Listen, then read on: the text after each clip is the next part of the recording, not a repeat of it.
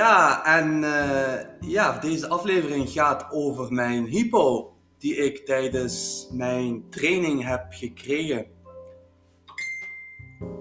Oké, sorry mensen, daar gaat de telefoon. Ik ga die heel even uitzetten. Want het is niet de bedoeling ja, dat die telefoon ons gaat verstoren in deze podcast. Dus ik ga deze podcast, ik ga, het gewoon, ik ga gewoon zo verder. Maar wat ik wil zeggen, of waar ik het over wil hebben in deze aflevering, is over mijn hypo die ik gekregen heb tijdens mijn training. Ik heb eigenlijk de fout, ik ben de fout ingegaan, omdat ik normaal gesproken eet ik altijd drie dextro's, dus drie druivensuikers. En dat heb ik nu niet gedaan. Dat was ik helemaal vergeten. Ik weet niet hoe dat is gekomen. Normaal gezien vergeet ik zo'n dingen niet. Ik neem meestal gewoon mijn pre-workoutje. En dan, uh, ja, dan ga ik gewoon trainen. En dan neem ik ook nog eens. En dan ga ik gewoon trainen. Of een banaan. Een banaan had ik ook niet gegeten. En ik was ook heel haastig. Maar waar ik het over wil hebben in deze podcast, is hoe ik er uh, mee ben omgegaan. En wat voor invloed en impact dat kan hebben op jouw dagelijks leven. Hoe jij daarmee omgaat. Hoe jij met die situatie op dat moment omgaat. Want je kan twee dingen doen. Je kan er negatief mee omgaan. Je kan zeggen, ah, je hebt optie 1 is dat je zegt, en waarom moet het mij overkomen? Waarom ben ik nu de slachtoffer? En als ik nou geen diabetes had, dan was het helemaal niet gebeurd. En dan kan je gaan janken, janken, janken. En in een hoekje gaan staan en alleen maar maar, maar, maar, maar, maar dit, maar dat. En dan zeuren en dan stop je je training en ja. En dan stop je met alles eigenlijk. Want je had doelen voor ogen, je had alles voor ogen. Maar je stopt ermee. Dat kan je doen. Dat is optie 1. Optie 2 is dat je juist dat moment als motivatie ziet, als bron van motivatie, als kracht, als energie. Dat je dat moment juist gaat benutten en gaat zeggen tegen jezelf, op dat moment, even bewust omgaan met je gedachten, want dat is heel belangrijk. Als we, dat is ook weer een stukje mindset. Op dat moment bewust omgaan met je gedachten.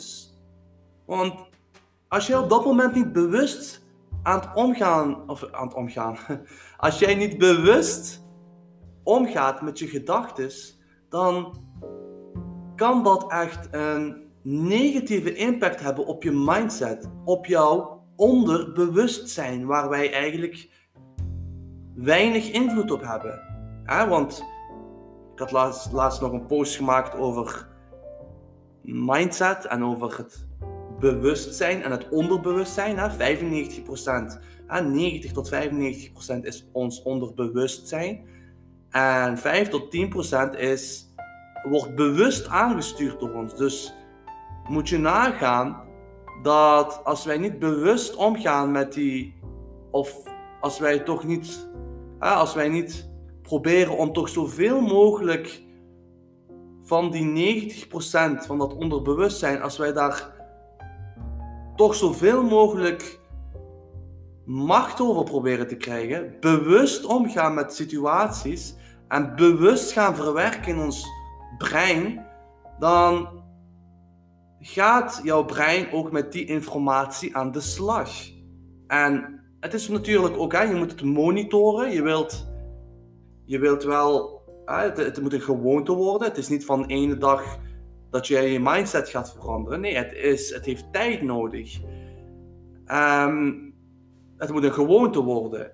En op dat moment moet je gewoon even terug weer naar het verhaal. Op dat moment is het belangrijk dat jij bewust moet omgaan met die situatie. Oké, ik sta laag. Mooi, super. Ik ga nu het probleem oplossen. Ik ga nu zelfs harder gaan trainen dan dat ik voorheen dacht. Ik ga dit juist zien als motivatie, dat ik juist nog harder moet gaan trainen, nog het maximaal eruit moet halen uit mijn training. Het is een teken dat ik nog beter moet gaan trainen. Dat diabetes niet, niet deze training gaat verpesten voor mij. Dat ik juist ga laten zien dat ik niet te verslaan ben. En dat is wat jij moet doen. Bewust omgaan met, met, die, met die situatie, met die gebeurtenis. En als jij dat bewust gaat doen, als jij hè, op dat moment het probleem gaat oplossen, hè, je gaat, uh, wat ik heb gedaan is, uh, er waren automaten, ik had zelfs geen druifzij, ik had helemaal niks bij. Ik was die dag gewoon zo gehaast, dat, dat, dat ben ik voor mezelf niet eens gewoon. Maar ik was zo gehaast en ja, ik heb het ook zo druk. Ik heb het druk met mijn cliënten, met, mijn, met mensen die mij benaderen. Met, ik heb het zo druk de laatste tijd. En ja, als ondernemer heb je ook soms gewoon van die gehaaste momenten. En dan vergeet je dat wel eens. Dus ik wist ook, toen ik onderweg naar de gym was, wist ik gewoon ook van, ja, de kans bestaat dat ik echt een hypo ga maken. Ja, want ik, ik, ken, ik ken mijn lichaam heel goed. Dat is ook wat ik mijn cliënten leer in fase 1. Jouw lichaam leren kennen. Op het moment dat je je lichaam en diabetes goed leert kennen, van binnen en buiten, dan ga jij de meeste controle over je diabetes hebben. Ja? Ik zeg bewust het de meeste, want er kunnen altijd wel natuurlijk, hè, dat hebben we allemaal wel, dat we eens een dag uh, niet weten hoe het komt of... Maar dat jij wel voor 80 tot 90 procent bewust, of bewust zeg ik, de controle neemt over jouw lichaam en over diabetes. Dat jij de controle neemt, dat jij de leiding neemt. Ik ben nu weer aan het springen. Ik moet echt gaan leren. Ja, ik moet echt gaan leren hè, om gewoon één richting te nemen en over één onderwerp te gaan praten. Maar ik wil altijd zoveel delen. Maar in ieder geval, er komen nog heel veel podcasts. Maar even terug naar het verhaal. Dus ja, wat je kan doen, is dan optie 2 is, wat ik dan deed, een proteïnebar nemen. Heb ik gedaan, want ik had geen druifsuiker nogmaals. Uh, ik had helemaal niks bij. Dus ik nam een proteïnebar. Ik ging naar die automaat, proteïnebar. Uh, ja, ik had die proteïnebar, water, even zitten, even gewoon rusten. Even gewoon niks doen. Wachten totdat je bloed, tot je je gewoon beter voelt. Ik ben ook niet zozeer iemand die gaat meten op dat moment. Ik, ik ga echt op mijn gevoel af. Dat is ook een tip dat ik aan jou kan geven. Als jij je gewoon lekker voelt, beter voelt, ga niet te veel naar jouw waardes kijken. Want eh, het kan zijn dat jij bijvoorbeeld uh, eh, 65 staat, maar dat je je gewoon goed voelt. Want dat is ook wat, mij, wat, bij mij was. Ik voelde mij gewoon goed. Ik stond rond de 60. 60 is Belgisch waarde. Dus in Nederland zit je, dan, dan kan je zeggen, ja, dan kan je zeggen een 5 of zo, of 4,5 ja, 4,5 misschien. Ik, ik, ik, ik, uh, ik moet echt die Nederlandse waardes van buiten leren kennen. Maar ik, ik, ik ken ze wel, alleen niet uh, exact precies. Maar ik, ik durf te zeggen dat het een 4,5 was. En ik voelde mij gewoon goed. En ik ben niet zo iemand die dan meteen gaat scannen, oké, zit ik wel eigenlijk goed? Want dat kan ook een negatieve invloed hebben op je mindset. Want je gaat kijken, oké, ik zit nog 60, en als je, dan ga je automatisch denken van eigenlijk ja, heb ik weinig energie, weinig, ik, ik sta te laag, et cetera, et cetera. En dat gaat een negatieve invloed hebben op je mindset, op je mind op dat moment. Want dan ga je echt, ja, dan ga je denken van ik voel me slap. Puur en ook, ja, gewoon omdat je die waarde ziet. Daarom zeg ik altijd, ga op gevoel af. Hoe voel jij je op dat moment? Hè? Eet je, eet je iets, neem je iets, suiker, snelle suikers. En voel je vijf, na vijf minuten gewoon super lekker, ja, super lekker gewoon voel je je al veel beter. Ga dan gewoon, uh, pak dat sporten terug gewoon op. Ja? En dat is wat ik gedaan heb. En ik ben dan ook nog tien keer harder gegaan die dag. Dat was, wanneer was het eigenlijk? Gisteren of eergisteren. En ja, ik ben gewoon tien keer harder gegaan. En ik ben gewoon blij dat ik die hypo heb gekregen. Want ik, zonder die hypo was ik misschien minder harder gaan trainen. Dus dit is wat ik jou wil. Dit is wat ik mijn cliënten leer. Dit is wat ik jou ook wil meegeven. Bewust omgaan met die situaties. Want geloof mij, als jij constant niet bewust omgaat, dan ga jij dat onbewust opslaan. Ga jij onbewust met die gebeurtenissen, situaties omgaan. En na een tijd gaat dat inderdaad nestelen, nestelen in jouw mind, in jouw mindset, in jouw brein. En dan kan je het natuurlijk wel deprogrammeren, maar dan heeft het ook weer tijd nodig. Dus ik zeg altijd: um, kill, kill, the monster, uh, kill the little monster before Mijn Engels is niet zo goed, mensen. uh, hoe zeg je dat? Die gezegde: Kill the monster when, it is little. Dood de monster wanneer het nog klein is. Want een mug, Nederlands gezegde, of ik weet niet of het een Nederlands gezegde is, misschien Belgisch gezegde, geen flauw idee, maar wat ik vaak hoor is ook. Um, maak, van, uh, nee, maak van een mug een olifant is ook niet juist. oh, deze podcast, mensen. In ieder geval, wat ik wil zeggen, ja, maak, de, maak de monster dood wanneer het klein is. Maak, maak de mug ook dood wanneer het nog maar een mug is. Want als het een olifant is, ja, dan is het moeilijk om op te ruimen. Of, of, of een, een grote monster. Dan heeft het tijd nodig om die monster te gaan verslaan.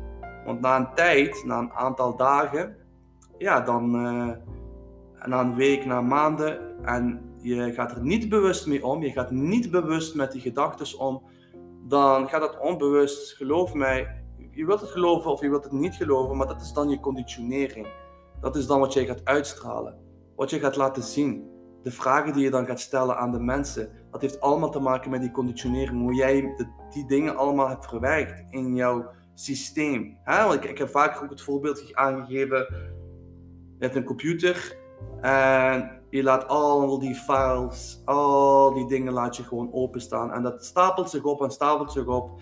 En jouw PC geeft, al, geeft aan, geeft aan van, uh, dat, jij, uh, dat het echt te vol is, dat je het gaat moeten opruimen. Uh, dat er virussen kunnen plaatsvinden als je je PC niet gaat schoonmaken. En je negeert dat allemaal. Ja, op een gegeven moment kan je wel verwachten wat er met die PC gaat gebeuren. Hij gaat veel trager werken. Op een gegeven moment gaat hij zelfs niet meer werken. En tot dat punt willen wij gewoon niet komen. Wij willen gewoon op tijd bij het probleem zijn. Het probleem zelfs, dat is zelfs nog geen probleem. Als je op tijd bij bent, dan is het een, nog niet eens een probleem. Dan, dan is het de situatie voor, voor het probleem zich gaat ontstaan. En dat is wat er gebeurt met de mensen. Dat is wat mensen met diabetes, en niet alleen mensen met diabetes, heel veel mensen met de, met de weken, jaren, maanden verkeerd geconditioneerd zijn. Een verkeerde conditionering hebben. En dat stralen ze ook uit. Iedereen heeft een bepaalde geloofsovertuiging. Ik merk dat ook in, in de mensen. Ja, mensen hebben een verschillende geloofsovertuigingen en hebben dat gecreëerd met de jaren. Je hebt mensen die geloven dat je diabetes gewoon hè, de controle kan nemen over diabetes. Maar je hebt mensen die zeggen van bullshit. Bullshit wat jij zegt, Sofian. ik, heb ik heb ook negatieve reacties. Ik heb ook negatieve comments. Ik heb laatst nog een post gemaakt in een groep waar superveel positieve reacties uh, onder kwamen.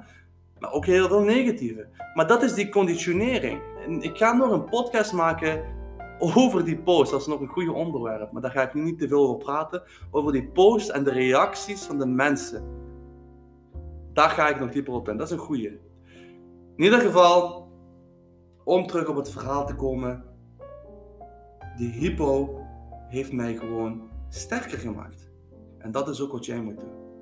Er juist positief mee omgaan juist goed verwerken in je mind, zodat je mindset, jouw mindset veel sterker gaat worden. Met de tijd. Het is niet in één of twee dagen.